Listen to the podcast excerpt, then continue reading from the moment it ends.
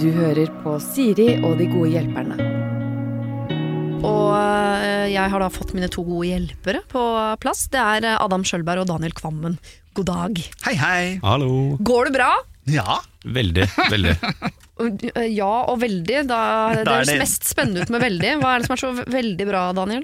Eh, hva som er veldig bra? Nei, her da er jo her for uh, rett og slett å promotere ny musikk. Eh, Det er jo uh, utgangspunktet mitt for å møte opp. Eh, og så For jeg skal du er ikke så opptatt av å hjelpe folk. Mm, jeg, jeg prøver å tenke hva er det riktige svaret her? Hva er det riktige svaret? Er det ja? Jo da, det er jeg, rett og slett. Ja. Ja, ja. Men jeg skal også slippe ny singel. Eller altså, jeg har, har jo sluppet ny singel. Eh, Det går litt i surr disse dagene. Nei, jeg har sluppet ny singel. eh, 'Fall fra jorda' heter den. Utover det så er jeg veldig opptatt av å hjelpe folk, så det går veldig, veldig bra. Lykke til med ny singel. Jo, takk. Spennende. Hva, eh, hvor Herregud, lenge er det siden sist? Liksom? Hæ? Hvor lenge er det siden sist? Du, jeg, tra jeg slapp en singel uh, i fjor, men det, er, det her er liksom Da var jeg sammen med ei, eh, ei dame, ei jente, som heter Eva Welskram. Uh, og den var liksom sto helt aleine. Ja. Og så er det nå denne første tingen som er sluppet nå, det er altså en låt som heter 'Valver og jorda'. Da, uh, som da ikke minst er liksom første smakebit fra et album som jeg har jobba med i tre år. Så det er, det er ganske typete opplegg. Altså, jeg har virkelig Er du sliten? ja, men det er kanskje mer til livet generelt. Jeg vet ikke hvordan det er for dere to, men altså ja, Nei, altså jeg er både sliten og veldig, veldig fornøyd. Det kjennes veldig bra for eh, første gang på tre år. Skal bli deilig å få ut den ungen. For å si det sånn. Ja, det, ja tenk å være prega i tre år. Tenk på det. Si. Ja. Ja. Nei, det orker jeg faktisk ikke å tenke Ellers var det deilig å være gravid. Følte meg litt sexy. Aldri følt meg så flott og stram i ramma noen gang. jeg. Man, blir jo, man blir jo veldig stram. Stor, men stram. Ja, jo, jo.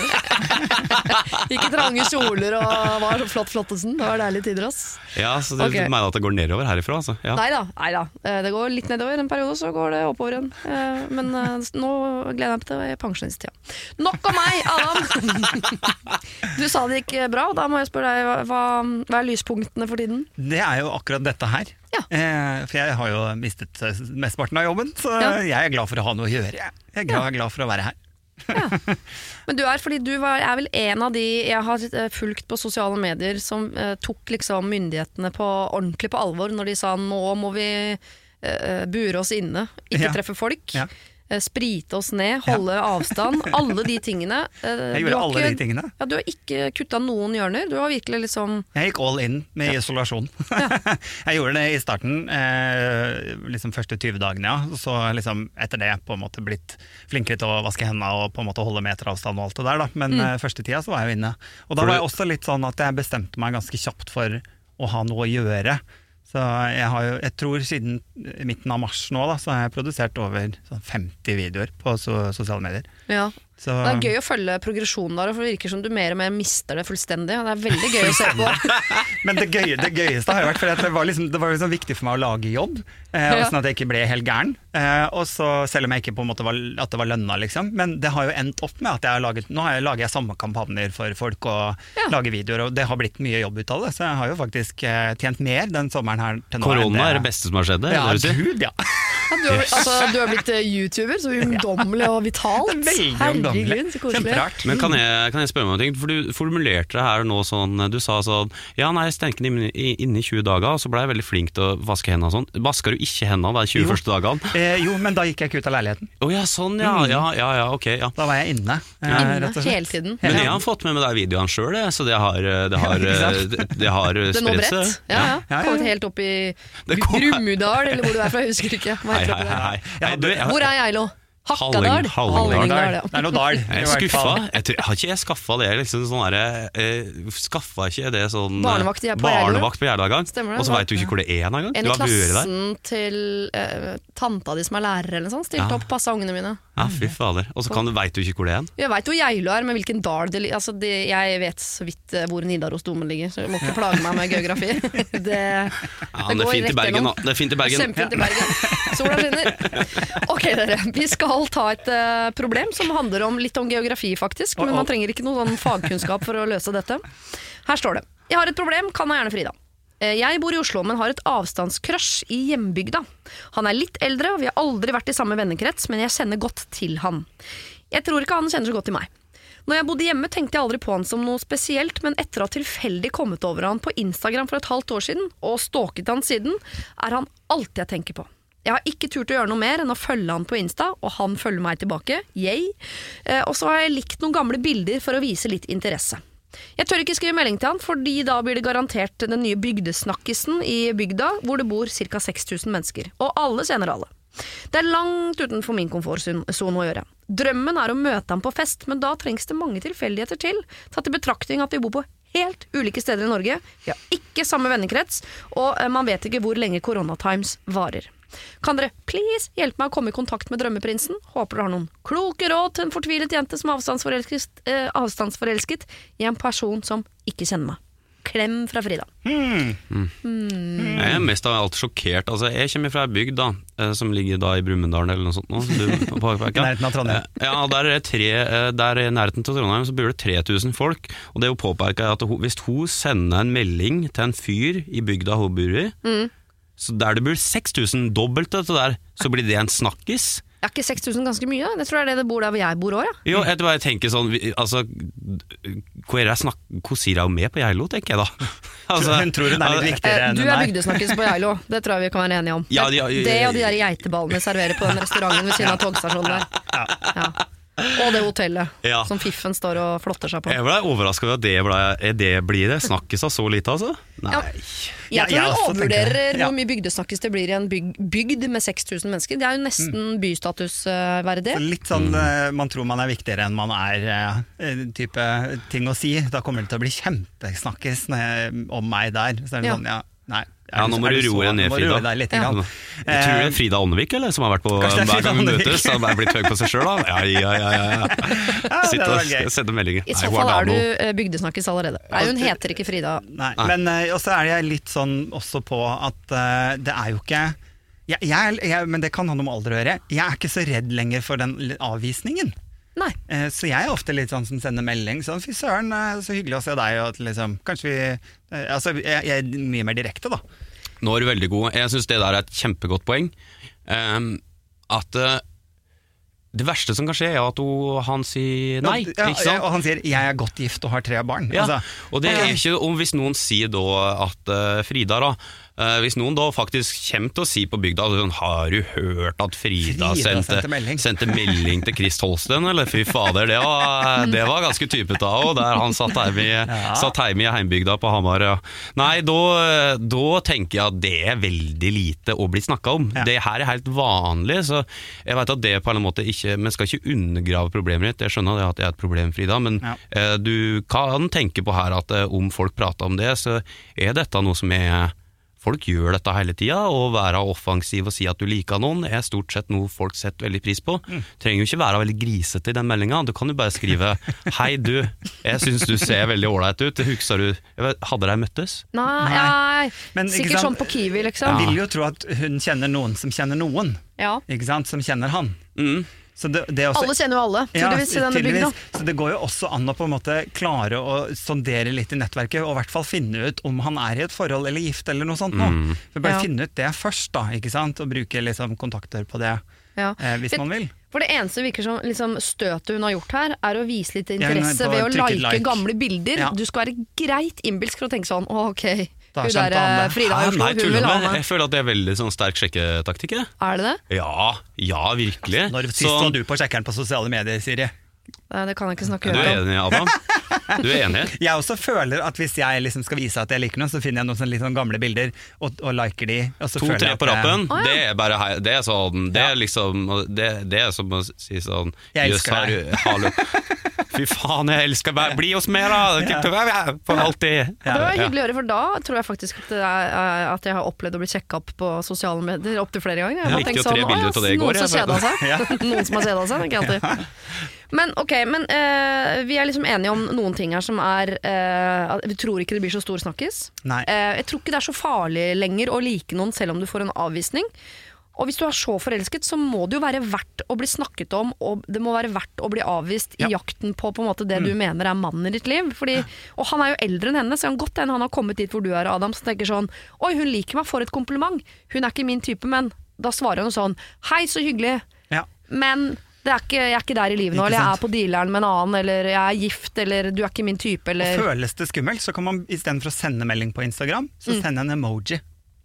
Oi! Ikke Ja. sant? For da slipper du å formulere en setning, og så kan du backe ut på emojien også. Nei, jeg ste- jeg stemmer nok kanskje mest for å sende melding. Jeg altså. også gjør det, men jeg bare prøver å liksom hjelpe henne litt. Da. Det går Men an hva å skal den sende- meldingen være hvis vi skal være konkrete? Skal den være 'hei, skal vi treffes', eller skal den være litt mer subtil sånn 'hei, eh, ja, du ser jo at jeg har likt noen av bildene dine, så du virker som en utrolig flott fyr'. Jeg har ikke, jeg har ikke tenkt på det da vi bodde i samme bygd, men her jeg sitter i Oslo, så må jeg si at eh, du virker jo helt fantastisk. Hva Nei, jeg stemmer veldig for sånn, men det er en taktikk som jeg eh, opp gjennom livet har eh, gått for. Og jeg da bare prata etter personlig erfaring, så jeg skal ikke si at dette fungerer for alle, men jeg syns ofte at det er veldig greit å være tydelig og skrive 'hei, du, du virka jo som et veldig ålreit menneske', men jeg skulle ikke tatt deg en kaffe slash øl.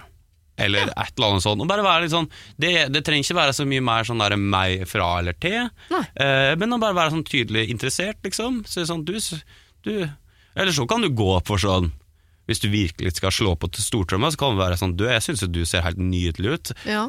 Er du sånn i virkeligheten nå? Den pleier å være veldig fin, da. Skrive sånn 'Herregud, du var nydelig'. Kan det Ikke hende si at det, nydelig til en mann. Et, Hvorfor ikke? hadde dere likt det?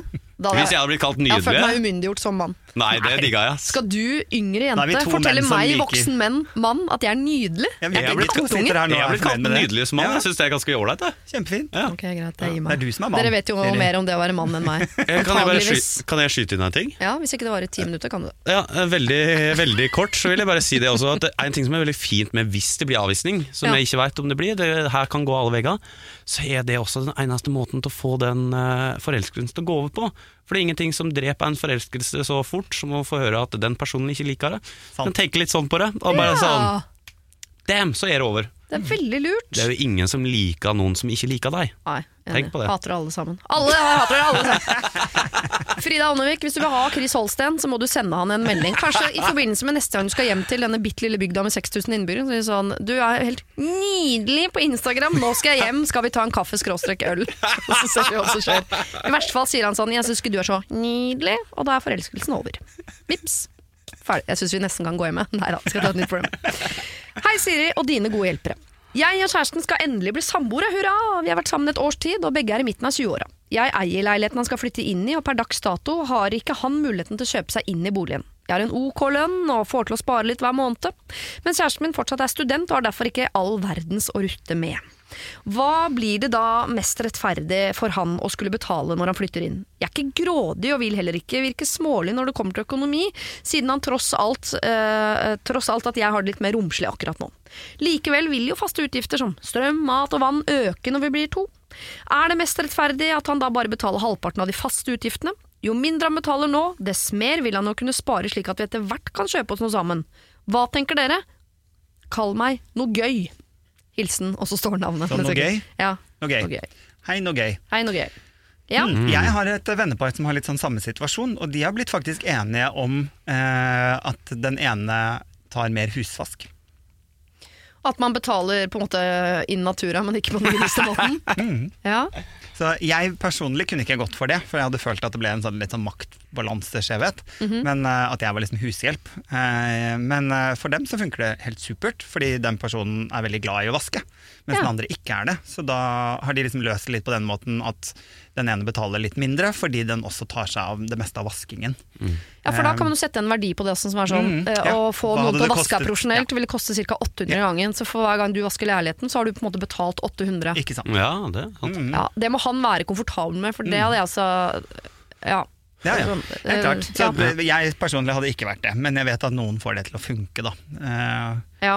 Så, eh, så det er jo et forslag. Men samtidig, jeg tenker jo også at hvis man, hvis man så innmari gjerne vil flytte sammen, da, ikke sant? Og, og den ene har mer romslig økonomi enn den andre, så, så, og du vil flytte sammen, så må du også legge korta på bordet. Og, og, du har romsligere økonomi, så du må betale mer enn det den personen må. Kan, ja. kan jeg skyte inn? Uh, uh, hvor ja. Hei, Svetlana. Det er det navnet du velger? Er det Ja, det, var, det, var, det var noe gøy. Ja. Svetlana. Ja. Um, veldig hyggelig. Uh, jeg må jo si det at eh, jeg bare kjenner sånn instinktivt at når så jeg, dette, jeg har ikke noe sånn veldig sånn tydelig løsning, men jeg vil bare være djevelens advokat, fordi det liker jeg å være. Uh, så vil jeg si det at jeg kjenner nok veldig sånn tydelig i Maien eh, at uh, når hun sier sånn skal han bare ta faste utgifter, så jeg er enig, jeg er enig i at han trenger nok ikke han trenger ikke betale det samme som hun, hvis Nei. du skjønner. Men altså, fyren det er, det er en han, er det ikke? Ja, ja. Han ville jo betalt husleie en annen plass. Han må jo være et voksent menneske som betaler for husleie. Mm. Så at det, det fins en symbolsk sum, om den er 3000 kroner eller om den er 5 liksom, så, nå, vet jeg, var i Oslo Nei, det var Stokke. ja, Det kommer jo an på hvor de bor hen, men om den er liksom alt fra to til 7000 kroner, den symbolske summen Jeg vet ikke om det er leie, leilighet til 15 000, eller om det er leie til 30 ikke sant? Det er jo alle muligheter, men jeg syns iallfall at eh, tanken om at han skal bidra med noe, for som som et voksen menneske så ville han jo betalt husleie andre plasser. Ja, så at ja. hun bare skal brødfø han fyren her, det syns jeg høres litt man, urimelig la ut. oss si at han betaler halvparten av det hun betaler, men må på en måte ta noe ekstra ansvar. Det Ja. Syns jeg, og det med ekstra ansvar er jeg veldig enig i. Jeg syns det var en veldig god løsning. Og hvis hun har bodd der alene til nå og egentlig kan bære den utgiften alene, så syns jeg det høres ut som en god idé at han betaler en sum til henne, som er kanskje halvparten av det hun betaler, eller et eller annet, som går rett inn på en konto. Som, øh, som hun også sparer på, som blir sparing til felles egenkapital når de skal kjøpe en større leilighet for eksempel, en eller annen Nå dag. er det, nå er god, det er avbetaling i form av vask, og sant? så er det sparing til ny leilighet med hans midler. Ja, ja. Fy fader, det er jo reine eh, Men fordi når du sa at du ville være djevelens advokat et øyeblikk der, Daniel, så tror jeg du også eh, leste noe mellom linjene som jeg også fikk en følelse av når jeg leste mailen, at, eh, at Svetlana her eh, hun, eh, eh, hun er allerede nå litt irritert over at han kanskje skal Jeg hører at hun er sånn ja, Det gjør ingen Hun prøver å være stor på dem. allerede nå er hun litt irritert over tanken på at han skal betale mindre. Og da ser jeg for meg at ok, så betaler han mindre. Men så ser hun at han har kjøpt seg en ny bukse og drukket øl med gutta. Ja vel! Jeg bare ser på Uansett hva dere lander på, så må dere jo eh, bli enige, og hvis dere er enige, så må dere på en måte være det. Da kan du ikke etterpå Ja. komme og si sånn Å ja, men jeg ser du bruker penger på ditten og datten. Da, altså, Det er veldig Ja. sant, altså, og det, det, der er du god, fordi det der er Det blir fort eh, et problem, det der. Ja, det blir fort et problem hvis hun kjenner på den irritasjonen allerede. Ja. Og det, jeg har vært i, sånne type forhold der eh, noen sier liksom Du, det går helt fint at jeg eh, legger ut for alle mm, Eller nei, nei, nei, nei du må, jo- Og en kan bare Ja. En legger ut for maten, eller et eller annet sånn at det er noe sånn skjevfordeling, og så går det helt fint, og så plutselig så når det et bristepunkt. Og det kommer til å være det verste som har skjedd for hennes forhold Ja. til dags dato. og Og midten eldre av 20-åra, det er jo en eh, skummel alder for kjærligheten, vet du. Ja, det er det, for jeg tenker sånn, Hadde det vært Ja. meg og mannen min nå, så hadde det vært sånn Det der går opp en Altså, det samme. Det er, helt, det er helt, helt likegyldig for meg.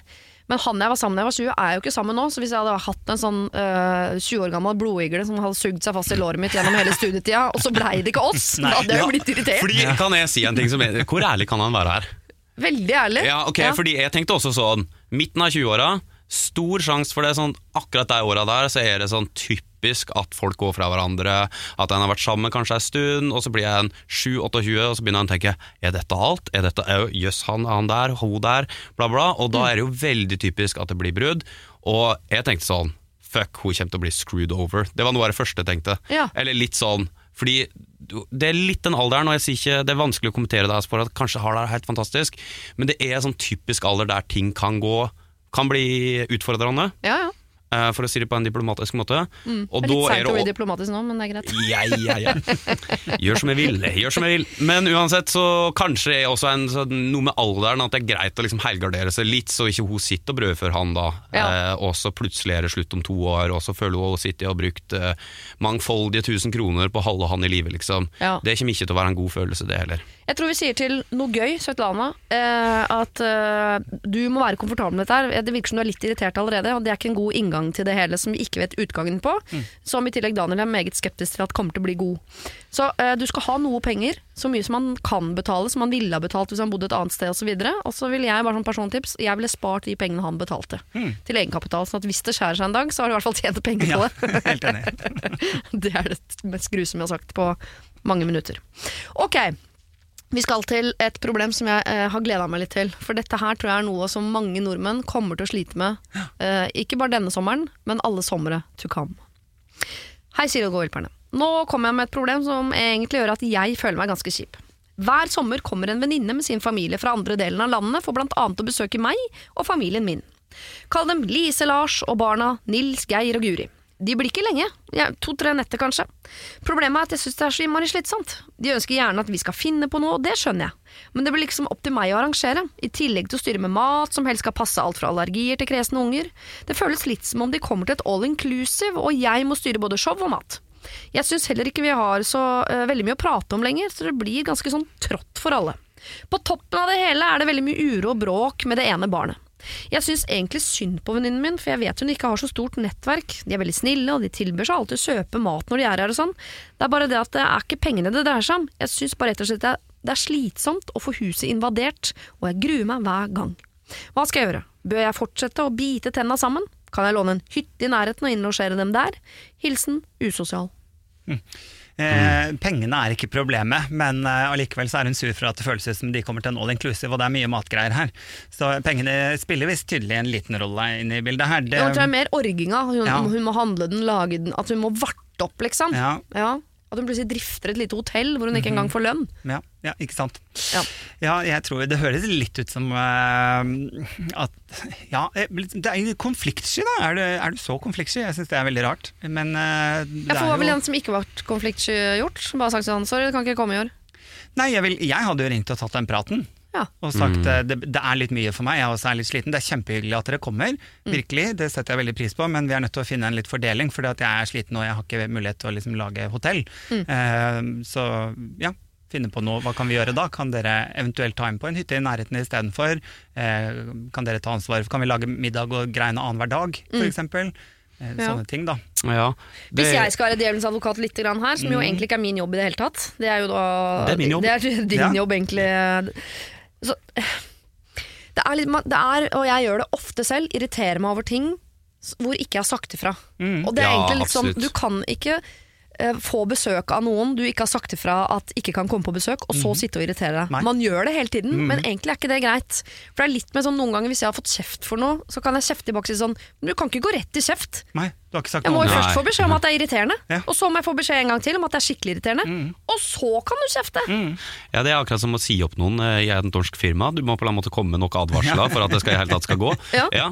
Du, jeg, jeg må jo si det at jeg har lært Jeg er litt som det, eh, Adam, at jeg, jeg er veldig eh, er ikke konfliktredd, jeg vil ikke si at jeg er konfliktorientert, men jeg, er veldig, sånn, jeg har veldig lite problem med å si fra.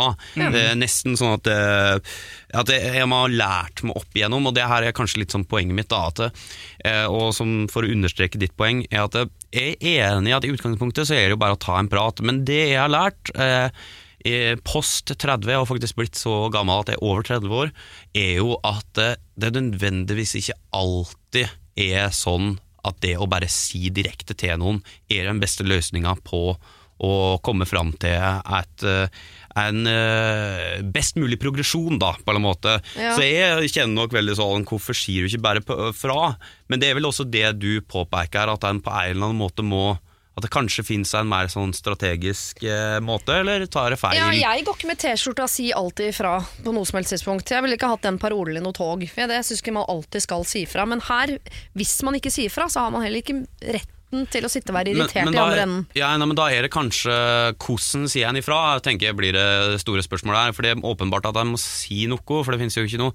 Men går det an å på en eller annen måte gjøre noe sånn diplomatisk? Går det an å lure deg til å velge en annen løsning? er egentlig det jeg prøver å komme fram til. Kan, kan en, hvor mange var det? Det var tre stykk?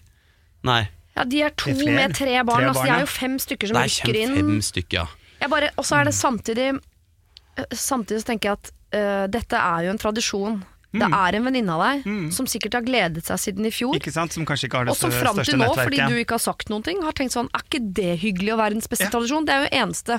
Vi har jo ikke så mye kontakt lenger, men en gang i året så har vi faktisk fire dager sammen hvor gutta snakker og ungene leker. Og, Mm. Så kan det være at du da plutselig at kommer fram en sånn Jeg har egentlig aldri likt de der Ja. den tradisjonen der, altså, den tror jeg vi bare setter et punktum for her og nå. Så kan du knuse henne fullstendig. Jeg har en uh, veldig slu plan. Ja. Ja. Ok, Hva om jeg bare sier det, jeg bare tar det åpent opp. Eh, Nå er jeg bare fri, eh, fri eh, idémyldring her. Hva om hun sier Du, finn på en eller annen grunn, da. Kanskje noe som er mer troverdig enn Men faen, i år så har vi noe renovasjon på huset, så jeg lurer på om vi må komme til Dikkan i år. Ja. Ja. Og så at enten så er det en opp behagelig opplevelse, foreslå vice versa. Altså Foreslå at det skjer noe greier, sånn at kanskje de må komme dit.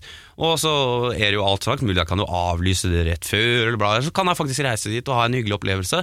Men på en eller annen måte sakte, men sikkert gjøre om på tradisjonen, og hvis det liksom ikke er en god opplevelse eh, Og da, da kan en jo også være så drøy at hvis de reiser til henne, så kan de oppføre seg helt jævlig, sånn at eh, de får kjenne litt på sin egen medisin. Ikke sant? Og jeg bare Men liksom gjøre noe grep for å bare forandre på tradisjonen, og så sånn sakte, men sikkert kanskje bare liksom Enten så kan en fade det ut, eller så kan en vri på tradisjonen. Du Sånn kan at det- gjøre sånn som jeg eh, gjorde i 20-årene, når noen kom på besøk som jeg ikke likte, så bare slo jeg all, av alt lyset og gjemte meg bak sofaen. Jeg ikke var. Mens de var der, plutselig. Mens de sto og ringte på. Å ja, selvfølgelig kan man ikke helt sånn Jeg skal bare lage kaffe, og så Ja. borte. Jeg er borte. Ja, ja, men jeg syns det er en god idé at uh, Usosial og familien hennes drar på besøk til denne venninnen. Fordi jeg tenker sånn, De er jo venninner, og grunnen til at ikke de har noe å snakke om, er jo fordi de bare treffes en gang i året.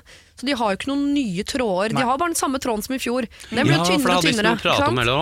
Nei, Men kanskje jeg skal ta seg en tur til Thailand eller noe sånt nå, da, og Sammen? bare eh, virkelig trykke på i et par uker og se om det liksom får noe mer å prate om da. Får noen felles historier og referanser. Ja. Ja, og det er faktisk ikke så dumt. Selv om ja, I hvert fall en variant av det. En, en hengekøytur eller Mm. Det sa jeg ikke. Jeg orker ikke være så trendy. Jeg, jeg orker det ikke. Det sa jeg faktisk ikke.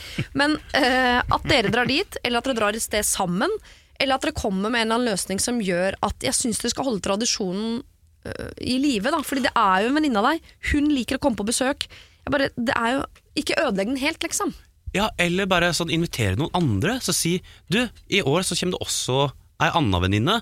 Hun kommer dessverre akkurat Hun har samtidig- korona. Ja, hun har korona. Ja. Nei, men si noe sånn, så vi må spre oss. De kan må by på ei hytte, fordi det blir for voldsomt i huset. Kan vi deles opp? Ja. Ja, fy faen, det finnes utallige muligheter. Ja, jeg tror ikke, Her skal, går vi ikke for den side slå opp, bryt tradisjonen. Det er bare Finn en variant av tradisjonen som gjør at du også kanskje kan begynne å like tradisjonen igjen. Utvikl tradisjonen. Snu på den, kjør annethvert år. Si at vi har fått lånt en, eh, en hytte i nærheten. Men syns du det er å slå opp og ringe og si til noen som kommer hvert år og si sånn Du, kan vi lage en litt ny plan, for jeg har litt mye å gjøre, jeg er litt sliten sjøl, så er det ok at vi lager ta ansvar for middag annenhver dag? Nei, da har man Er det- utviklet tradisjonen. Ja. Ja. ja, det er ikke å slå opp det, liksom. Nei, det er ikke å slå opp. Nei. Det som er å slå opp, er at hvis hun ikke tør å komme med de forslagene, så blir det til at hun bare av, avlyser Ja, hele. Ikke sant? Ikke sant? Det Det syns jeg, jeg ikke man skal. Så eh, finn en variant av den tradisjonen som gjør at venninnen din fortsatt kan glede seg, og som gjør at du også uh, kan begynne å glede deg. Eh, for det har du jo ikke gjort så langt, men det tror jeg du kan komme til å gjøre.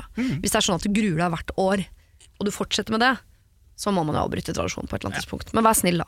Vær snill. Vi skal til den tredje kvinnen. Dette er et ganske langt problem, så hvis dere har korttidshukommelse, så anbefaler jeg dere å ta fram penn og papir Ok. som dere ikke har, for det hadde vært mitt ansvar å skaffe dere. Uansett. For ett og et halvt år siden så datet jeg en kvinne som var både gift og hadde et barn på nesten et år. Det er en kvinne som skriver inn, jeg bare sier det med en gang. Ja. Oh la la. Eh, hun var gift og hadde et barn på nesten et år. Det var helt ok mellom henne og mannen, da de begge fikk lov til å utforske andre. Jeg møtte også han. Det passet meg veldig bra, da jeg på ingen måte var eller er i stand til å forplikte meg til et annet menneske. Vi hadde det veldig fint sammen, og de gangene vi møttes var det fylt med nydelig sex og gode samtaler. Samtidig hadde jeg det fryktelig dårlig, antagelig fordi jeg ble forelsket, men klarte ikke å håndtere følelsen. Den siste gangen jeg møtte henne, uttrykte jeg tydelig at det var viktig for meg at dette bare var en midlertidig greie, hvilket vi jo var enige om. Det var bare jeg som var stressa. Herregud, øh, hun ville jo heller ikke ha noe forpliktende, hun var jo gift. Etter denne samtalen fikk jeg en SMS hvor hun forklarte at hun følte at eh, det ble for bruk og kast for henne, og at hun ikke ville møtes igjen. Jeg beklaget dette og sa det var ikke sånn jeg mente det egentlig, og det er ikke sånn jeg føler det, og jeg jeg ville møtes for å avslutte det face to face, og helt sikkert eh, med mer eller mindre ubevisst et ønske om å endre avgjørelsen. SMS-en jeg fikk tilbake eh, ga tydelig uttrykk for at hun hadde en del følelser i klem og ikke klarte å møte meg. Jeg aksepterte dette og ønsket henne lykke til videre. Jeg var på mange måter egentlig takknemlig for at hun gjorde det, eh, det jeg ikke klarte å gjøre. Problemet er at jeg fortsatt tenker på henne, og gråter ofte over at det endte så brått. Nå lurer jeg på om jeg bare må deale med at jeg aldri får snakket med henne igjen, eller om det er greit å kontakte henne og fortelle at det er fryktelig leit at vi aldri fikk avsluttet den samtalen. Jeg er klar over at hun er gift, men det vi hadde var jo også en eller annen form for relasjon. æsj, jeg ser jo at dette kan fremstå helt desperat. Og det er sikkert mange argumenter mot det jeg gjør, men da vil jeg gjerne høre dem fra noen som kan være litt objektive. Hva er det jeg vil oppnå med den kontakten? Er det egentlig bare fordi jeg vil se henne igjen? Og det er jo også til en viss grad deilig å sørge over noe som har vært godt. Som regel liker jeg å gråte. Da får jeg bearbeidet mye. Det er bare at dette fortsetter å komme tilbake og tilbake. Vær så snill og hjelp meg med å stake ut veien videre. Jeg er 26. Kall meg Ronja. Kall henne Sandra. Sorry at mailen ble så lang. Til sist, takk for den gode jobben dere gjør. Der er det bare å legge seg selv ned. Her var det mye følelser i sving. Det er mye følelser, ja. Det er Ja. derfor den er så lang, for det var mye som skulle forklares av følelser. Ja. Eh, og det er jo helt i orden. Eh, det er helt greit. Og det at man blir lei seg over noe som har vært, betyr at det som var, også var viktig for deg. Ikke sant? Det er, det er jo en fin ting at man blir lei seg sånn sett. Det er jo bra. Eh, men jeg vil jo også si her at eh, hvis man går tilbake igjen her, så åpner man jo opp dette problemet igjen. Og, og, det, og det kommer jo ikke til å bli borte med så lenge hun fortsatt er gift, fordi det høres jo ut som hun har lyst til å være i forhold med denne kvinnen. Ja. Fordi det betyr så mye at hun til og med kan begynne å gråte nå så lenge etterpå, eh, og savner dette, denne personen så mye, så vil du nok ha mer enn du kanskje innrømmer. Hvor, Men hvor syns lenge var det? Eh, Det er um, Ett og et halvt? eh, For ett og et halvt år siden, ja. Ja. Men hun syns jo det er litt godt å sørge òg, for det høres ut som hun er av typen som, som alltid piller av skorpa bare for å få se litt Ja. mer blod, liksom. Ja. Mhm. Så det er ikke sikkert, hvis hun hadde bare vært litt mer rasjonell og gått videre i livet sitt, så er det ikke sikkert dette lenger gjør så vondt som det skal til. Ikke sant? Her er jeg enig med Adam. Altså. Jeg tror at det, det var- jo eh, Det var jo eh, mye info, og det var jo på en eller annen måte ei eh, suppe uh, ut av liket. Eh, men sånn er jo livet, og det er jo ikke noe gæli i det på en eller annen måte. Folk rota seg opp i mye rart, men jeg tror liksom uavhengig av liksom at det er litt utradisjonelle sammensetninger, og så virker det som at hvis en bare skulle destillere ned, så er det jo det at eh, det er rett og slett uavhengig om at folk har vite om hvem som er hvem, og at eh, han mannen har tydeligvis visst om at uh, hans da, kone treff eh, da vår Ranva? Nei, Ran, Ronja, Ronja. Ronja. Ja. Um, ikke sant? Og, men hvis vi bare destillerer den ned, så er jo liksom historien her om uh, ei som Eller et menneske som treffer et annet menneske som er Og det er forelska seg, men vedkommende er opptatt.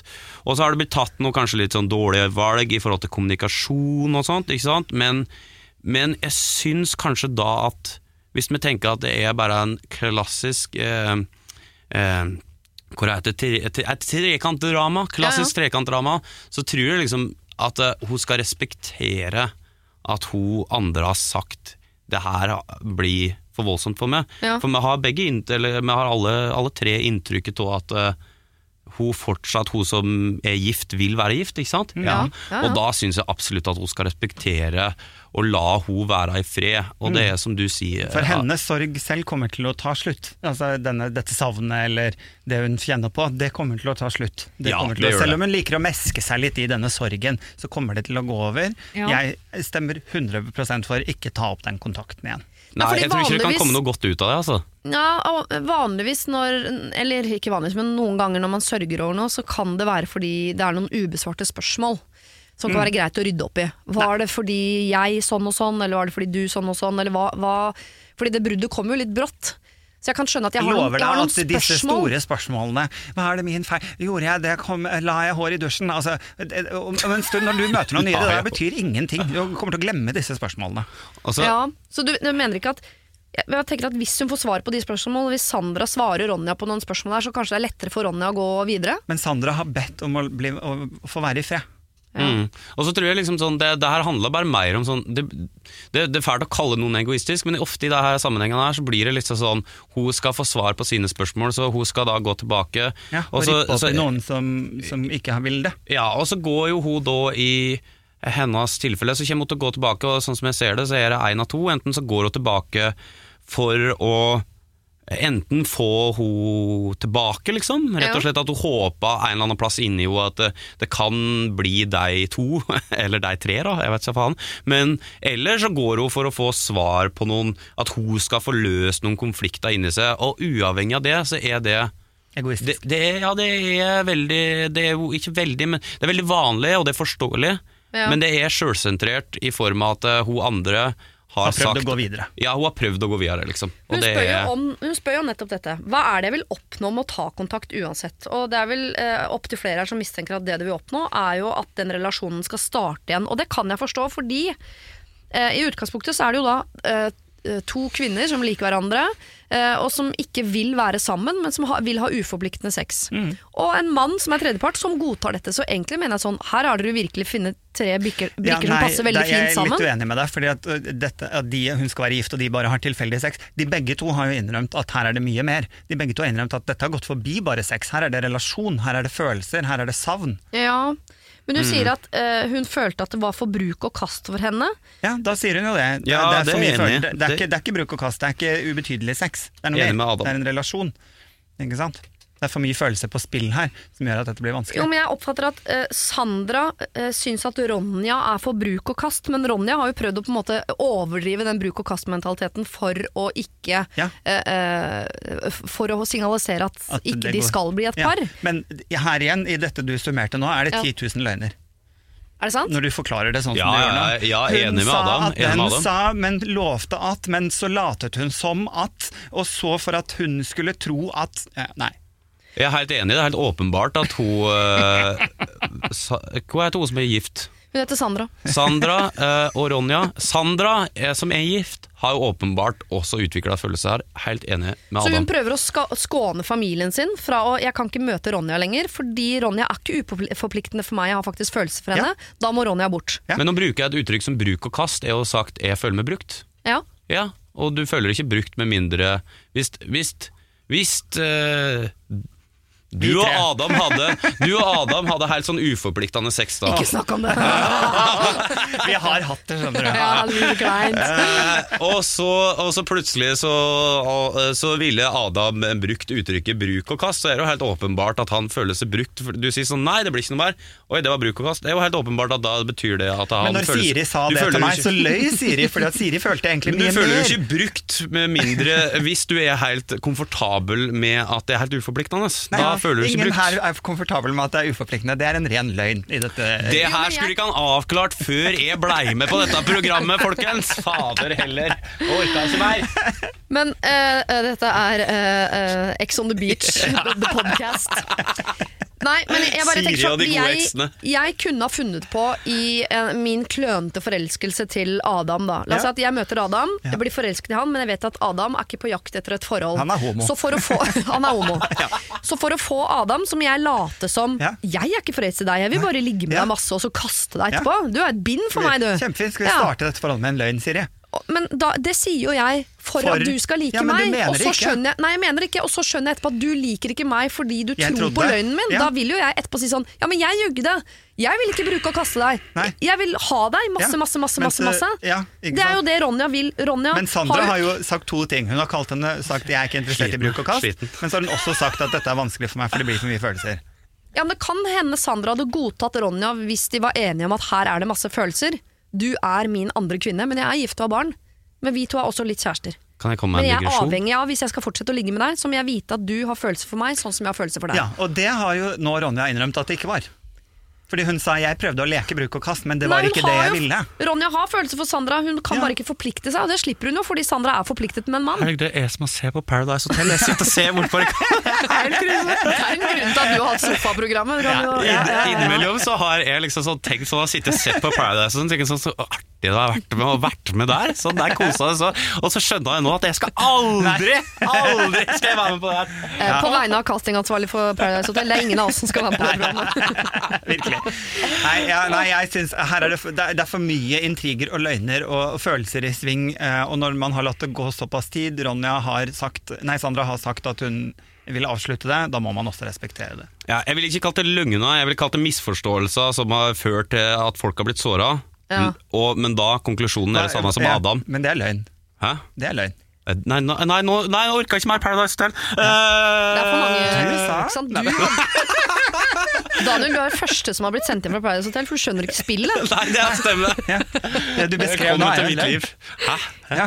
Her må vi bare være uenige om å være Pilgaard, da. Vi må bli enige om å være uenige, sånn er det. Fordi jeg syns du, Ronja, kan sende en siste melding, ikke med krav om å møtes, men du skriver Jeg beklager at jeg fikk deg til å føle deg som uh, bruk og kast. Jeg hadde masse følelser for deg og ønsker deg alt godt videre i livet. Nå leser du bare den meldingen du sendte til meg. Det er helt riktig. For da kan det hende at Sandra tenker sånn Sandra, «Hå, har du følelser for meg? Ok, let's hook up. Som jeg ikke pleier å si da. det er lov, Ronja, men ikke noe mer 'skal vi møtes', 'kan vi møtes'. Ikke noe mer mas og kjas fra deg. Da får du drukne dine sorger i en bøtte med is. Men jeg mener, og det er med motstand fra mine hjelpere, som jeg jo egentlig skal bøye meg etter, som sitter langt inne, vanskelig for meg Jeg hadde sendt en siste følsom, ekte, uløgnete SMS til Sandra, hvor jeg hadde proklamert følelsene mine. Hold nå kjeft. Hilsen Triana. Har du problemer selv, send dem inn til siri at radionorge.no. Ok, dere. Eh, fra fjås til noe Eller må gjerne fjåse her også, men jeg har et eh, eh, kanskje litt privat spørsmål til dere. Når Oi. dere blir forelsket, for det regner med dere har opplevd begge to, eh, er dere sånn som blir pangforelsket? Eller er det sånn som bruker lang tid på på en måte sånn 'jeg liker deg, vi kan bli venner', og så utvikler det seg, og så blir det kjærlighet? Nå har Daniel mye på hjertet, det så jeg. Nei, nei, nei. Og jeg bare satt og trakk med sånn sakte, men sikkert håpet du, du skulle Nei, du er veldig lang, eh, langforelsket. Uh, altså, jeg tar lang tid før jeg liksom uh, på en måte blir emosjonelt investert og alt det der. Men så, er jeg også, så tar det veldig lang tid før jeg slutter å være emosjonelt uh, investert. Det er Altså, det går, det går, går begge veier. Det, det, er lang, det er lang vei inn og lang vei ut. Så, sa brura. Men, eh, så du kunne blitt forelsket i en gammel venninne fordi du tenker sånn 'deg liker jeg veldig godt, nå har jeg fått følelser for deg'. Nei, nei, det har jeg aldri gjort. Nei. Nei, men det er bare, mer sånn at det, det, jeg er sikkert sånn Ja, nei. Eh, eller hva var spørsmålet? Jo, men ikke sant, for Nå hø høres det ut som det er lang vei inn og lang vei ut av eh, kjærlighet, men forelskelsen er den pang kan ja, jeg kan jo bli betatt, liksom. Og sånn, det er sånn herregud, og flott og fin. Og, uh, men, eh, men jeg merka det at det liksom sånn at jeg, liksom, Det er nok uh, damer som jeg har truffet, som har tenkt at jeg har brukt litt lang tid på å bestemme innimellom. da Ja. Sånn For å si det på den måten. Fordi jeg bare liksom på en eller annen måte eh, Det tar litt tid for meg. Det tror jeg var på. ikke det spørsmålet? Jo, jo. jo det Kan vi spørre. Adam om noe nå? Ja, ja, Adam. Jeg har opplevd begge deler. Ja. Jeg har opplevd begge deler Og jeg er jo en person som kan i, være litt sånn sort-hvitt. Eh, så ja, deg er det. Du- er den jeg skal bli sammen med, og vi skal bli sammen nå. Eh, du har ikke noe å si her. Oi. Nei da, jeg, men jeg kan være litt sånn Jeg kan, kan nok bestemme meg ganske kjapt sånn sett. Og så kan jeg jo angre etterpå. Det har jo selvfølgelig skjedd. Men eh, jeg har jo opplevd at jo eldre jeg blir, så har jeg liksom lagt merke til at det tar lengre og lengre tid for meg å bli forelsket. Og det har vært en sånn periode der jeg til og med har lurt på For jeg husker å være 16 år, jeg husker jeg lå og grein for jeg var så forelska at jeg trodde jeg skulle dø. Ja. Ikke sant? Altså Den følelsen kommer jeg aldri til å ha igjen, har jeg trodd. Og så plutselig skjedde det. Ikke sant? I voksen alder. er det sant? var- Nei! jo, men det var kjempegøy, da ble jeg jo veldig glad. Det så jeg, tenkte gærent sånn, det, også, jeg trodde kanskje ikke at det kunne skje lenger, men det, det kunne det. Og det var deilig å vite at ok, det er fortsatt tre følelser igjen i denne kroppen. Det var godt å vite. Ja, for jeg håpet at det liksom var sånn at nei, sånn 16 år forelska, det, det er man fordi man er 16. Det handler ikke om at den kjærligheten er noe større eller eh, virkeligere eller noe sånt. Det er bare når man blir voksen så tar ting litt mer ut. Det liksom, Ja, ja, nei, jeg sånn, jeg digga når det skjer, jeg, når det er sånn real 16 år all over again. Ja, det er jo deilig. Da kommer låtene springende, veit du. Ja, ja, ja. Da. Ok, Så dere mener at det fins den kjærligheten der. Men dere Ja. mener også at det fins den kjærligheten som, hvor det er lang vei inn og lang vei ut. ut. Ja. Grower, not a shower. Ja. Ja, det er også fint, og det er helt ok det òg. Ja. Det tror jeg er litt igjen er det der med å bli voksen, at det må ikke være pangforelskelse for å være verdt noe. Ikke sant? Det kan også være noe som, som tar lang tid, som Ja. bygges opp. Og, og, at, eh, og da gjerne kanskje er det noe som er litt mer seriøst og har litt stødigere grunn også. ikke sant? Hold på den tanken, for det er tema i det problemet vi nå skal ta. Mm -hmm. Hei, Siri og det gode hjelperne. Jeg er en jente i midten av 20-årene som i to måneder uh, har datet en fyr jeg liker godt. Vi er begge enige om at vi har god kjemi, felles interesser, verdier og ønsker for fremtiden. Vi har det veldig gøy når vi er sammen og ler og flørter mye i hverandres selskap. Vi har dessuten vanskeligheter med å holde hendene fra hverandre når vi er sammen. Det er lenge siden jeg har truffet noen jeg passer så godt sammen med og ønsker å utforske uh, og dette og kunne, om det kan utvikle seg til noe mer. Problemet oppsto dessverre da jeg tok dette opp med han. Han sa at han hadde blitt glad i meg og beskrev meg som en han trives godt sammen med, og at jeg var en han hadde håpet at han ville få følelser for. Noe han ikke hadde klart, selv om han hadde forsøkt å fremkalle dem. Han fortalte at broren hans hadde vært sikker på at kona hans var dama i hans liv med en gang han traff henne, og han så etter noen som kunne gjøre det samme med han. Jeg ble selvfølgelig lei meg, og har selv alltid hatt troen på uh, at følelser kan vokse over tid mellom to mennesker som velger å gi det en sjanse. Jeg mente det var eh, tidlig å avgjøre om vi kom til å utvikle sterke følelser for hverandre, og syntes vi hadde, eh, det vi hadde sammen var en fin ting som var verdt å utforske videre. Jeg selv opplevd tidligere at det kan ta tid for meg å bli ordentlig forelsket, men han mente at dersom jeg var riktig for han, så ville han visst det allerede. Jeg respekterte dette, og vi ble enige om å slutte å se hverandre. Jeg vet det ikke er noe jeg kan si til han for at han skal gi meg et nytt forsøk, men ønsker å vite hva dere tenker om kjærligheten ettersom samtalen vi hadde gjorde meg usikker. Tenker dere at det er mulig å finne kjærligheten ved å utforske om man kan utvikle følelser med noen som, alt, som har alt det man ønsker et forhold, og, og hvor lang tid bør man i så fall gi det? Jeg har jo venner som har funnet kjærligheten både måneder og år etter å ha truffet sin partner, eller tenker dere at jeg bør vente med på den store eventyrkjærligheten og håpe på at den personen er riktig for meg? Ønsker dere en flott dag, kall meg Grete. Altså, Den e-posten fra Grete var som å være sammen med Daniel Kvammen. Det er jeg overbevist om. Det var et sånn oppsummert forhold med Daniel. Men, eh, men det var jo litt som vi var inne på. Mitt perspektiv, eller den som er sammen med meg perspektiv? Det greier jeg ikke å gå inn på, det, det blir så lang samtale. orker jeg ikke. Men eh, jeg tenker at det er jo akkurat dette vi snakket om. Påskrevet, ja. Ja, ja, ja, ja. Men ikke sant, det er akkurat dette. Det er ikke én fast oppskrift på hva ekte kjærlighet er.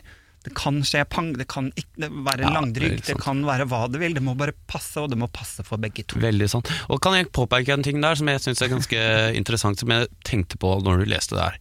Det jeg føler at det liksom er to grunner til at han får den beskjeden som hun har fått. Ja. Og det, det er enten så har du møtt et menneske som er veldig bevisst på hva en trenger, for det er jo faktisk sånn at en treffer folk her i livet som ikke møter deg eh, nå holdt jeg på å si standarder, men som ikke på en eller annen måte gir det det du vil ha, som kan være et veldig flott menneske. Og det blir en jo, som du påpekte, når en blir eldre, så blir en jo faktisk mer og mer bevisst på sånn, hva er det jeg trenger for å ha det bra her i livet. ikke sant?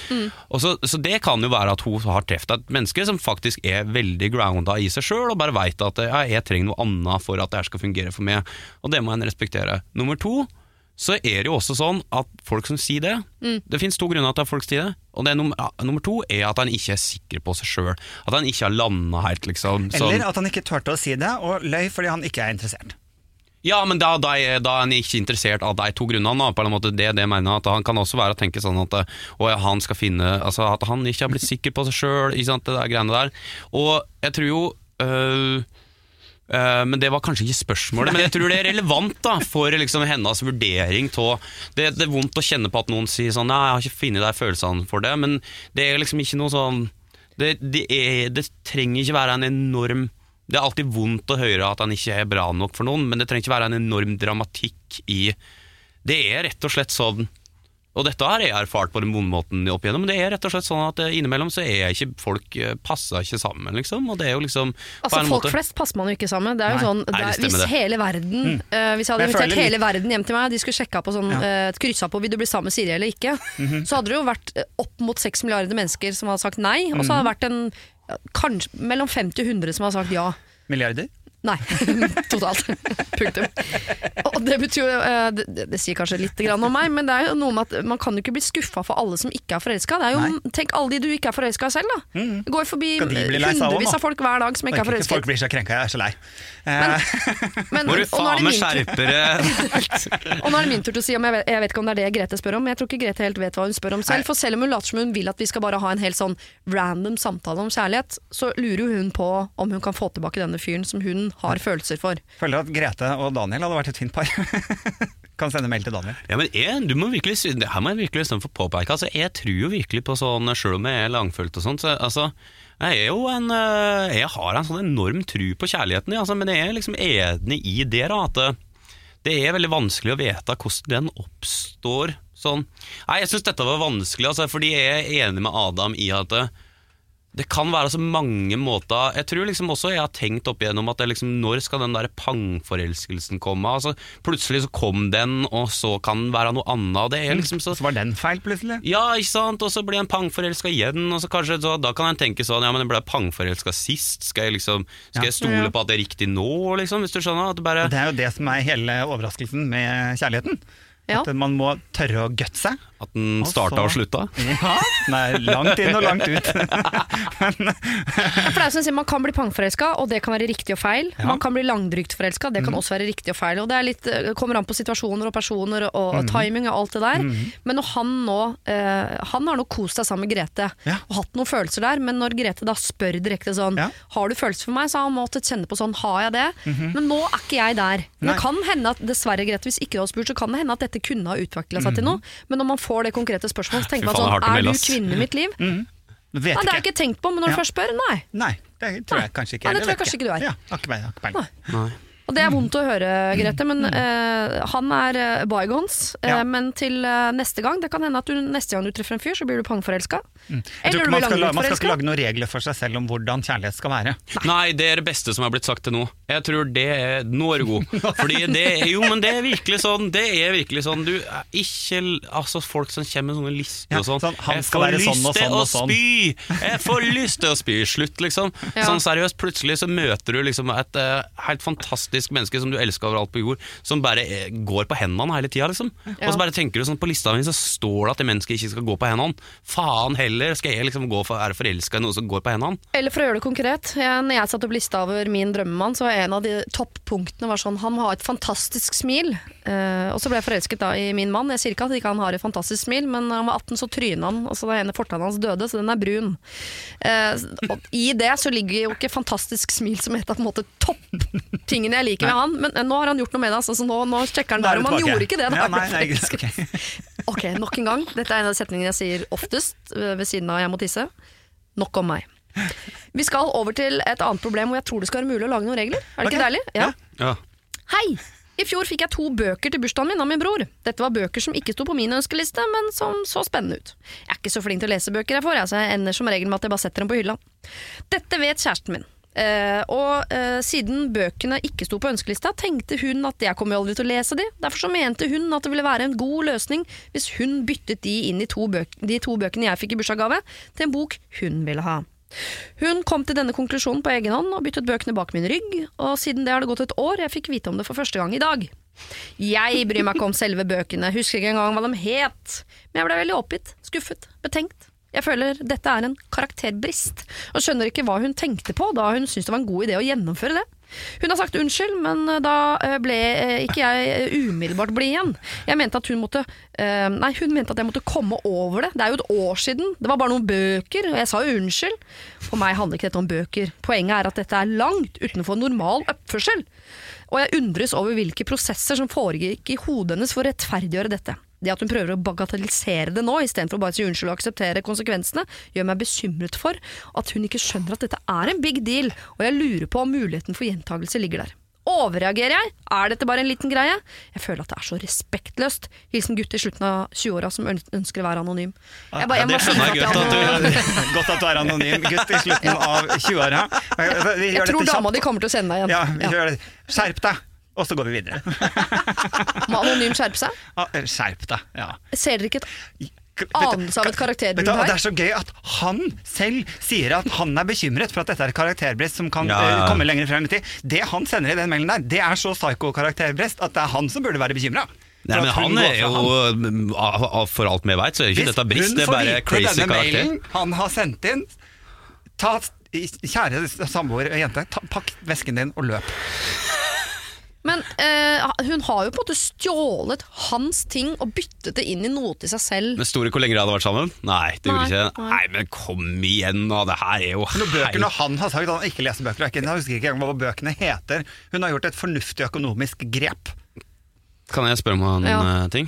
Ja. Eh, står det noe om eh, Står ikke noe annet enn det jeg har lest. Ja, men en- Bare sånn for å oppsummere, Har de ikke han inntrykket av at hun har prøvd å skjule det for ham? For hun har ikke det heller. Nei, hun har bare gjort det her litt sånn. Ja, tenkte Han legger sikkert ikke merke til det uansett. Han har aldri sett på den boka. Han vet ikke at vi har bokhylle engang. Men det man kan se på som på en måte karakterbristen her, er jo her har vi med ett menneske å gjøre som syns at dette er en veldig big deal, og så har vi med ett menneske å gjøre som antageligvis syns dette er så lite big deal at hun har ikke, hun har ikke gått bak ryggen din eller skjult eller ljugd, hun har, ikke, hun har ikke tenkt på det engang. Med andre ord, i større grad enn par flest, så er dere fra to forskjellige planeter. Så hvor karakterbristen ligger, eh, så tenker jeg at dere to Så hun har liksom kommer hun til har å krangle en del. Hun har tatt, eh, hun har tatt bursdagsgava hans og bytta den igjen rett og slett. Og det syns han er helt grufullt. Ja. Nei, jeg er, nok, eh, jeg er nok ganske enig med Adam her. At eh, jeg syns jo at eh, hadde det vært eh, sånn at det var gave han satte veldig pris på, så hadde det vært ganske annerledes. Det er jo Ja. viktig å huske på her Det at er hvis det hadde vært noe som han på en eller annen måte satt veldig pris på, om det var liksom juveler fra en gruve i PlayStation. Brasil Ja, ikke sant? Eh, Så hadde jo det vært ganske kjipt gjort av henne. Men når det er noe som er så irrelevant for han, og det er hun fullt klar over Hun har jo ikke prøvd gjort å han en tjeneste. ja, Hun har ikke prøvd å screw han over, det er det han må huske på. Han må, liksom, han må skjerpe seg. Jeg er enig med det, Adam. Jeg- jeg- Eh, Fordi hun, hun har, hun, det han, han oppfører seg Han tror i hennes hue Nei, i hans hue så tenker han at hun har virkelig liksom sånn prøvd å snyte han og bare drite i han. Men det hun har tenkt, og at hun har gått og sett de bøkene, så er det sånn han veit ikke hva det heter engang. Jeg trenger ikke det her. Det her kan vi spare noen penger. Det er et forhold, liksom. Altså, hun, hun har jo på en eller annen måte ikke gjort han noe skade. Hun Altså, har ikke snytt inn for noe han setter pris på. Jeg syns at hun skal gjøre det slutt med han. Men hvis eh, la oss, Jeg er enig i at okay, de bøkene betyr jo ikke noe for han, men de er hans. Det var en gave til han, og det er fra broren. Så hvis man på en måte skal legge godvilja til her, så har det en form for affeksjonsverdi, om ikke annet. Jeg har ikke så mye godvilje. Sorry. Jeg tror ikke jeg kunne gått i bokhylla og bare tatt noe som var min manns, uten å spørre og bytta det i noe til meg. Da ville jeg ville først foreslå sånn Du, de bøkene du ikke skal ha, Uh, vi skal ikke bytte dem, da. Kanskje det er en bok du vil ha, eller er det en bok jeg vil ha, eller Jeg, jeg tror jeg ville tatt Jeg ville tatt en prat om det, og det, jeg sier ikke at hun har lurt seg unna, men det er jo en litt dårlig karaktertrekk at ikke man engang tenker på at selv om ikke han leser de bøkene, så kan det jo bety noe for han. Jeg tror, jeg, tror du allerede, jeg tror du har gjort noe sånt nå allerede mange ganger. Jeg sier det hjemme. Jeg tror, du har putta hvitløk i den maten enda han sier han ikke liker hvitløk. Altså, det spiller ingen rolle, Han kommer ikke til å merke at den hvitløken er der engang. Så jeg putter i hvitløk fordi jeg syns det er godt. Sånn har du gjort. Jeg lover det. Ja. Det hørtes ut som et ja. Ja. Men, men poenget er liksom sånn Jeg kan strekke meg til Jeg kan strekke meg til at eh, Ok, hun kunne spurt, liksom. Men da, da Hun har jo sagt unnskyld. Ok, så kan, Jeg kan strekke meg til Ok, så har de ikke hatt en konflikt over det, men hun har sagt unnskyld. Og da er det bare å legge En petimeter av en fyr skal han liksom føre Vet du hva, Nei, Jeg misliker han her veldig. Jeg sa, hun må gjøre det slutt med han. Ta tingene og løp vekk. Hvis det der er et problem, kan du se for deg når de begynner med noe boliglån? Jo, ja, Det er faktisk viktig, for dere, skal, eh, dere to sammen skal møte mye større utfordringer enn dette. Og det virker som dere har så forskjellig syn på ting at uh, dette må dere enten jobbe mye med å finne ut av ganske fort, eller så kommer dette her til å bare være starten på noe som blir ordentlig vanskelig på et eller annet tidspunkt. ja, og Han må i hvert fall roe seg ned rundt konflikt. Han må jo ta en unnskyldning for en unnskyldning liksom, og se det store bildet her. Ja, og hvis hun fortsetter, sånn at dette er en, en side Altså, ved hvis hun gjør dette med bilen neste måned, Ja. at den plutselig er borte, og hun, har kjøpt seg tre mopeder, liksom. Så ja, da er, vi, da er det noe annet. Kjøp seg Ja. sånn vannskuter som ser ut som en delfin. Det, er- det er min drøm, da. Jeg beklager, her fikk du mer eh, tupp i ræva enn eh, klapp på skulderen. Eh, sånn er det noen ganger. Eh, og hvis du syns det var helt fullstendig urettferdig, ja, så er vi fra samme planet som kjæresten din, og antageligvis så, eh, så treffes vi ikke igjen. Sånn er det bare. Ok, over til en annen som er sår. Denne gangen på uh, sine egne vegne i forhold til sine søsken. Uh, Daniel, hvordan er det? Er du enebarn? Nei, du Nei, jeg har to søsken, ja. To søstre, eller? Ja. Ja. Det er, jeg på, Er du jeg- yngst? Nei, er midten i dritten, eller dritten, Dritten i midten, ja. alt ettersom du ser det. Adam? Jeg har søsken over hele verden. Jeg har en pappa som har spredd seg godt. Ja, ok. Så eh, la oss ikke snakke så mye om han. Hei, Siri og co. Ja, ja. Lurer på om dere har noen råd her. Jeg er yngst i en søskenflokk av tre. Jeg er nå 24, blir 25 i sommer. Jeg har siden videregående slitt litt med å finne ut av hva jeg skal bli når jeg blir stor.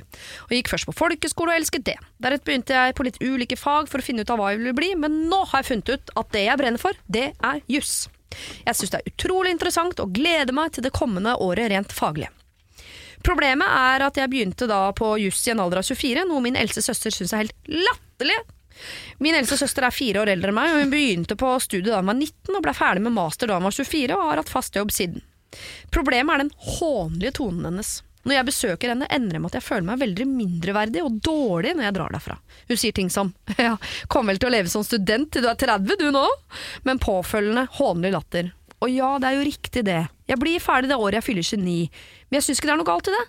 Når jeg snakker med henne, får hun meg derimot å føle at dette er flaut å skulle studere så lenge, og jeg tenker mye på det i ettertid. Hun sier også ting som 'ja, du henger vel bare med 19-åringer, da, eller?' Som om ikke eh, Som også ikke er riktig, ettersom en god del av de som går på jussen, er på min alder, faktisk. Foreldrene mine støtter meg eh, med noen få ting, som telefonabonnement og den type ting, og dette syns hun er så idiotisk, og har flere ganger bedt foreldrene mine om å overføre de samme pengene til henne, siden det er så patetisk at foreldrene mine skal betale for et abonnement. Poenget mitt er bare at jeg er utslitt av den konstante næginga. Jeg har merket at jeg trekker meg mer og mer vekk fra henne, grunnet de nedlatende kommentarene hennes. Dette er utrolig dumt, ettersom jeg er veldig glad i henne. Veldig rådvill på hva jeg skal gjøre. Har prøvd å si ting som at det er faktisk mange som begynner på juss når de er 23-24, men det bare avfeier hun med en hånlig latter. Setter stor pris på råd. Kall meg Vilde og søsteren min Mathilde. Uh, kan jeg si en ting her? Absolutt, skulle vært rart om du lot være. Eh, Hvem, eh, hvem var Mathilde? Var det hun som sendte inn melding? Uh, nei, det er Vilde. Søsteren er Mathilde, og så er det en søster til. Men hun Hvor er gammel ikke- var Vilde? Vilde er snart 25, storesøsteren er fire år eldre. Ja, så hun er 28. Ja. Ja, Ikke sant? ja. Det, det som jeg vil si, er at én ting som jeg kan betrygge deg med, kjære Vilde, er at din søster på 28 eller 29, Mathilde, hun kommer til å sitte der så jævlig med skjegget i postkassa om et par år og føle at hun var jævlig tidlig ute, hun fiksa alt. Og sitte der og Du har sikkert gjort, prøvd masse, gjort masse rart, utforska livet. Det kommer til å komme i retur for henne fordi hun ikke har gjort det. Ja. Så bare ta det til deg. Og så syns jeg at hun der Mathilde hun kan holde kjeften sin. Fy faen for Nå er, er Det der ble jeg oppriktig Ja. provosert av. Ja. Det der. Og det, Men du sånn- mistenker at Mathilde allerede da om ja, la oss si om ti år, så er hun lei av jobben sin og kommer til å tror hun kjenner på det allerede, og det er derfor hun kompenserer så jævlig. Og trykke ned søstera si. Fordi hun lever nok Hun har sikkert fått gjort masse ting som hun Ja, ja. eh, allerede Og Ja, hun har vært så jævlig opptatt av å komme seg dit hun skal, bla, bla, bla. Ja. Og dette er allerede på vei. Hun kjenner på det. Ikke sant? Ja. At, hun, at nå, at livet hennes er trygt og godt, og det kommer til å komme så jævlig i retur etter hvert. Jeg også tenkte den tanken, at eh, hun her er faktisk litt misunnelig. eh, Mm, og, misunnelse. eh, ja, altså, jeg tenker også det at jeg personlig, da, det jeg hadde gjort, var å svare med samme mynt. Ikke sant? Jeg hadde begynt å si sånn Oi, er det noen som er litt lei seg for at de føler seg litt satt? Oi, begynner å bli lei av mannen din på hjemmebane, du da? Oi, føler du at du ikke har noe liv, du da? Jeg hadde- det litt jeg hadde kjedelig blitt på sånn- andre sida av målstreken? Oi sann, liksom. Jeg, jeg hadde blitt sånn, så jeg hadde begynt å svare med det samme. Det er ikke sikkert jeg hadde løst opp i en eventuell søsken. Har du godt forhold til dine søsken? Jeg bare spør. Eh, ja, for så vidt. Eh, Men, eh, men eh, vi kan også krangle, da. Så jeg føler at hun står jo her og tar imot mye dritt. Svar tilbake med samme mynt. da. Gå på, for det meste Litt sånn som Danne sier, hun er antageligvis litt misunnelig eller føler at hun og søsteren har levd litt og, ikke sant? Ja. og, og kommet i gang og, og fått nytt livet litt, og at hun ikke har det selv. Så ja, jeg hadde brukt det kortet, og jeg hadde stikket tilbake med akkurat det. En, Ja. Eventuelt, hver gang hun sier noe sånt nå, ta et eh, kjøkkenglass og kast det i hodet på henne. Ja, det er jo på en måte Jeg er liksom enig her at eh, her må en svare litt hardt, men det går også Jeg sier ikke at det er noe feil med å være svare med samme mynt, men jeg, det, det går også an å ta den samme approachen, men på en litt annen måte, som er sånn du vet ikke, du kan ta den der dritseriøse nedlatende. Ja, så kan du det elsker jeg, det er det gøyeste jeg vet. Og så jeg sånn du, sorry ass, men uh, jeg skjønner at du bare kompenserer for at du uh, har, har Er er du satt og, misfornøyd med Ja, du er liksom? misfornøyd med ditt liv. Ja. Og bare sånn, jeg finner meg ikke i den dritten her, hold kjeft. Ikke, ikke si det her til meg igjen. Bare vær, så, vær sånn beinhard, og bare si det én gang, og si det jævlig tydelig. Ikke begynn med sånn Eller jeg ville Ikke begynn, det er ikke for å si imot det, sånn sett, men jeg ville kanskje bare gått for den ene drithale sånn her ja. Sett henne skikkelig på plass. Og, og så liker jeg også den der når noen sier noe frekt, så bare setter man øya i dem. Og så sier man ikke noe, men man bare stirrer litt på dem. Sånn. Så bare Åh, det føler jeg du er god på. Da. Der tenker jeg du er god. Ja.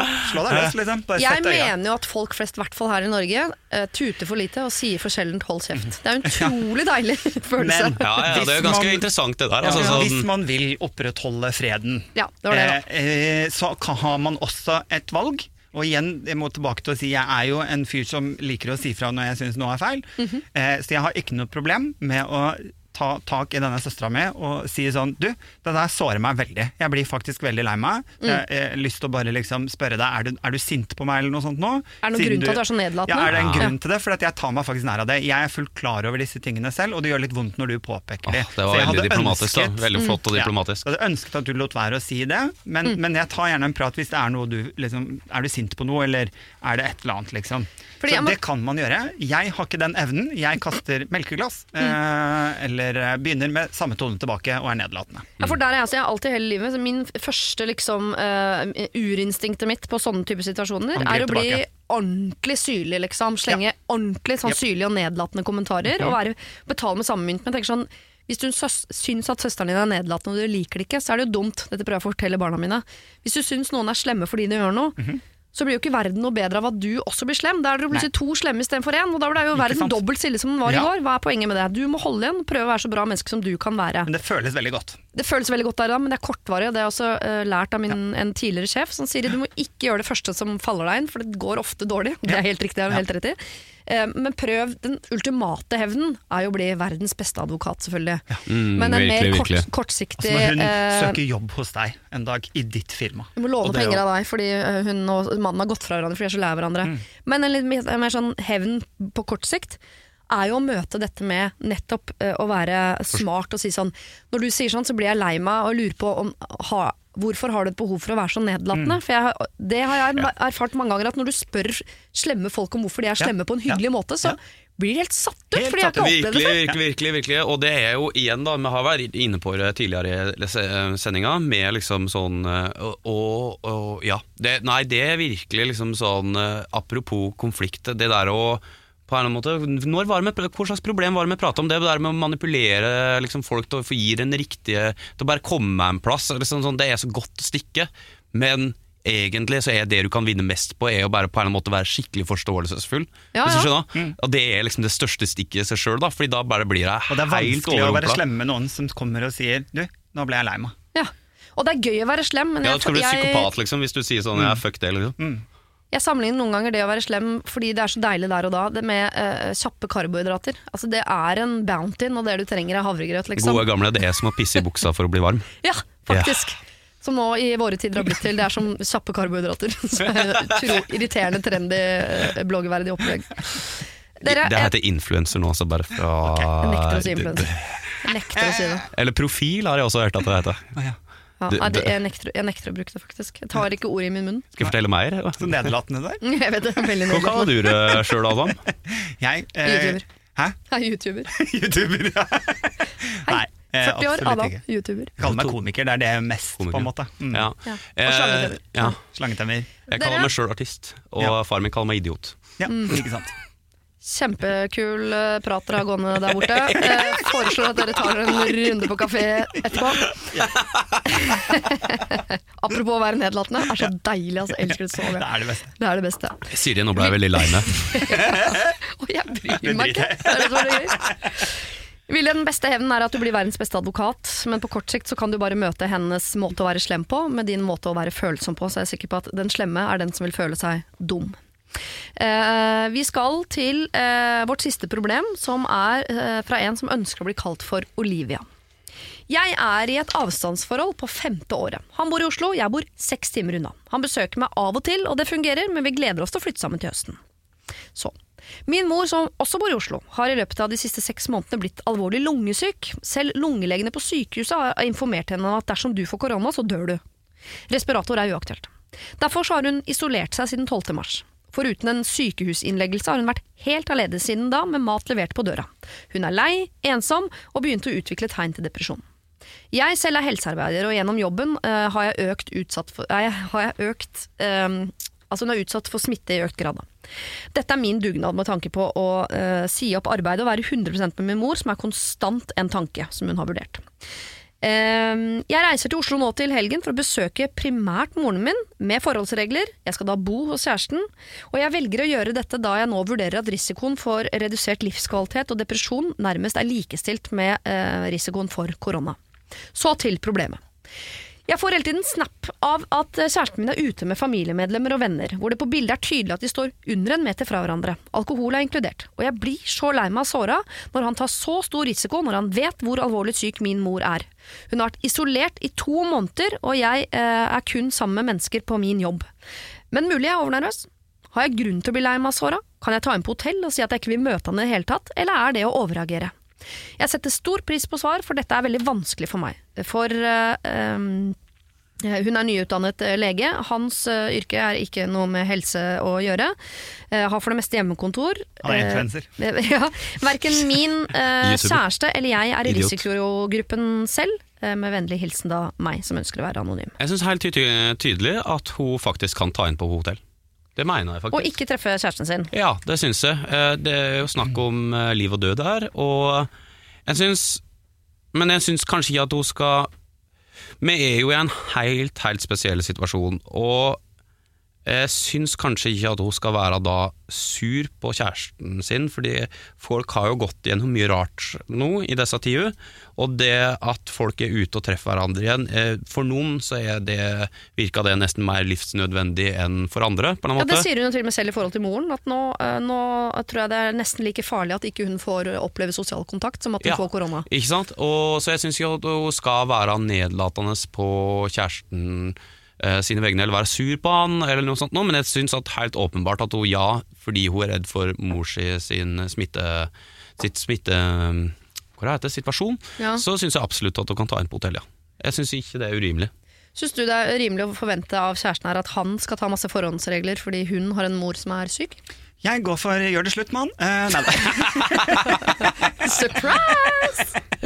Nei, jeg er faktisk eh, Altså Man trenger jo ikke på en måte være så drastisk å, å bare flytte inn på hotell, men man kan helt fint uh, jeg vet ikke, Har du forklart dette til han kjæresten, og så velger han allikevel å på en måte være douchebag?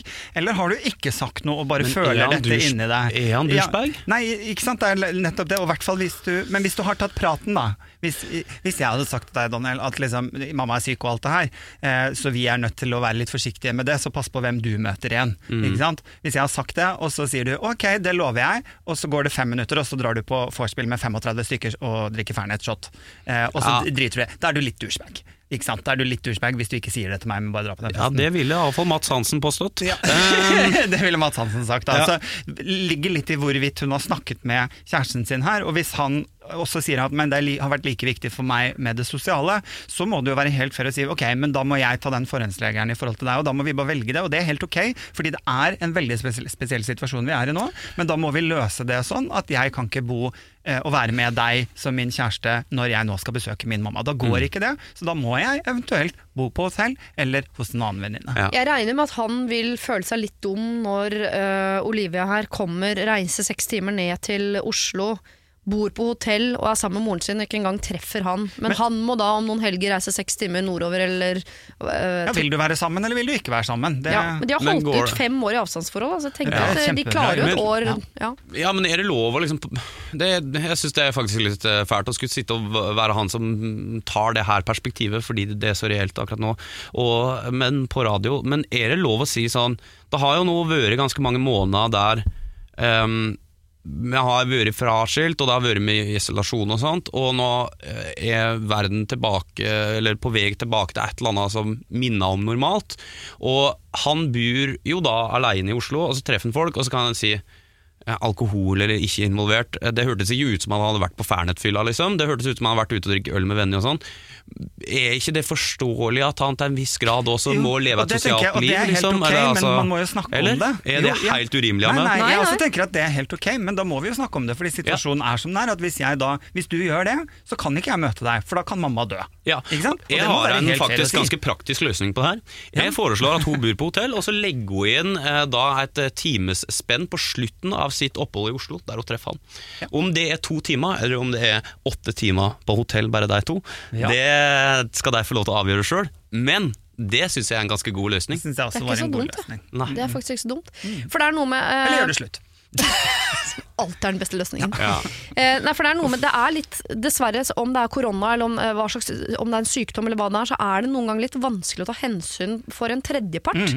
Fordi selv om jeg skjønner at din relasjon og i forhold til mor og den føles veldig sånn nær og ekte og viktig, og det er den jo, men for han så, kan, så er den akkurat litt- så langt unna at han klarer ikke liksom Han klarer ikke å gjøre den så stor og viktig som det du klarer. Nei. Og det betyr ikke at han er et dårlig menneske. Det er bare at Nei, det, det det- bare, eh, man, man klarer ikke helt å ta det inn over seg. Andres smerte, andres sykdom, andres tanker, andres Men det er klart, når du ber han om å ta hensyn, så burde han jo klare det. Ja, Men, hvis hun har gjort det, da. Eller om Ja. hun nå går bare og ulmer og er litt sur for at han har vært ute og drukket øl. ikke sant? Ja. Så Det er noe med hvorvidt hun har snakket med han i det hele tatt og, og, om dette her. da. Og jeg syns det var en god løsning. At liksom Dra og besøk moren din og gjør det unna, og så legge inn litt ekstra tid. Legg på en ekstra dag eller noe sånt, noe som du da er sammen med kjæresten på slutten etter du har vært sammen med mamma. Ja. Absolutt. Og så er det jo sånn, folk slipper jo opp mer og mer nå hele tiden. Mm. Og det er ikke noe sånn at det er noe mindre risiko for å få korona nå enn før. Det er jo Nei. egentlig litt rart at vi slipper opp, Ja. men det er fordi vi er lei av å ikke gjøre det, så da bare gjør vi det. Ikke sant? Men det er jo hele tiden smutthull. ikke sant? Hun sier jo 'jeg treffer jo folk på jobben'. Mm. Ja. Eh, ja, du kan få det der. På flyet, på toget, Ja. i bilen, i butikken. Mm. Du kan jo få det hvor som helst. Ja, ja, ja. Så eh, man utsetter seg jo hele tiden for litt risiko. Mm. Eh, uansett hvor mange regler man lager for seg selv, så er det alltid noen smutthull som gjør at alle de reglene og forhåndsreglene du har tatt deg, Mm. de feila, da. Mm. Men og så ja. tror jeg nok også som lege at en, Det er min oppfattelse at de folka som jeg kjenner som jobber i helsevesenet, sto, uh, de har nok et mer reelt forhold til det, for de har nok uh, mange har sett det. Sett Eh, sykdommen, ja. Ja, og den ja, ja. er jo ganske ille, så vidt en skjønner. Så jeg tror at når du sitter der som uh, sitter der som lege, diskuterte det med en uh, sykepleier som også er komiker, som jeg traff på Løkka for en stund siden, og han, uh, han sier jo det, eller altså da bare diskuterte vi om hvordan det utarta seg, og det er jo liksom Jeg tror det er ganske fælt sånn rent fysisk og sånn, så jeg kan skjønne som lege Jeg var i et eh, Min beste kompis er samme lege, Ja. og vi var i et, eh, et strengt, eh, strengt 17. mai-selskap og sånt. eh, Ikke at hun var streng, altså. Nei, nei, Lars. Nei, fy faen, nå kommer jeg til å få kjørt meg. Eh, Det her har jeg aldri sagt. Men uansett, så eh, tror jeg bare at eh, jeg vet ikke hva som var poenget mitt. Jeg forstår henne veldig godt, men jeg tror liksom må prøve å vise litt forståelse for at eh, eh, Som du sa, at liksom det nå Verden Det er kanskje en fin måte å si det på. Jeg tror verden på en eller annen måte har bevegd seg litt vekk fra den ekstreme uh, distanseringa, og at det er kanskje ikke så rart at han kjæresten tar del i det, på en eller annen måte. Det har den helt sikkert, og det er forståelig fordi man er lei av å isolere seg, men det er jo rart i forhold til at det er ikke noe mindre sjanse for å bli smitta nå enn det den var. Men jeg bare husker en sånn tanke jeg hadde ganske tidlig i denne eh, fasen, som var, var en eller annen i- periferien der jeg bor, som hadde en i familien som var utsatt, som da ikke ville at våre barn skulle leke sammen. Og da tenkte jeg sånn, det, for, da, eh, det, må, det må du passe på, på en eller annen måte. For da, da husker jeg at hun tenkte sånn at da må alle i bygda være med og ta hensyn. Sånn, ja, så langt det lar seg gjøre, men om min barn er på lekeplassen og leker med din sønn, så det må du passe på. Jeg, jeg kan ikke liksom gå på en sånn 24-timers vakt for å passe på at ikke mitt barn leker med ditt barn. Det er du som må passe på at ditt barn ikke leker med andre barn. Mm. Selv om det høres egoistisk ut, men det er bare noe med at man er jo øh, sin egen situasjon nærmest, og det er bare litt vanskelig for folk i periferien å, å hekte seg på sånn ordentlig. Selv om det kanskje er det vi burde. Løste vi den? Vanskelig. Løste vi den? Ja, det gjorde Ja, vi. Og vi veldig det praktisk også. praktisk, Vi eh, hun For lenge siden. Oslo. Alt etter det har bare vært vås. Ja, det er vanlig, det. Ja da, det er veldig vanlig. Olivia, du drar til Oslo, eh, og så er du sammen med moren din i de dagene du kan. Og så helt på slutten, i noen timer eller en natt, så er du sammen med typen, sin, typen din. Etter det treffer du ikke moren din.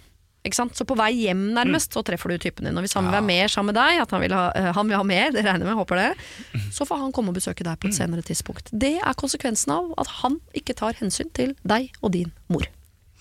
Dere, det var siste problemet. Det ble veldig alvorlig på slutten. Vi hadde øh, tanta fjast, så ramla vi ned i koronagryta på slutten der. Det får være greit. Koronagryta. Koronagryta. Jeg ønsker deg eh, lykke til med plateslipp. Eh, Singelslipp singelslipp. singelslipp nå først, men tusen som skal takk. bli plateslipp. Ja, ja, men eh, la oss fokusere på den singelen nå. Vi fokuserer på den, som het Fra, fra himmelen og ned. Eller, Nei, det fra Falle toppen fra jorda. falle fra jorda. handler om jorda det eh, relasjonære forhold og sånt, da veit du. Ja. Var noe høyderelatert? Hilsen Ja. researchdronninga, Siri Kristiansen. Ja. og Adam, jeg håper du får en fantastisk sommer. Det håper jeg til deg også, Daniel. For vår... ja, tusen takk, Ja. da. tusen takk Og jeg håper også at du, du får en fin uh, sommer, Adam. Du, da? Skulle ikke dere ut på kafé og snakke videre Jo. om det greiene dere begynte Jo. Ja. ja. Ja.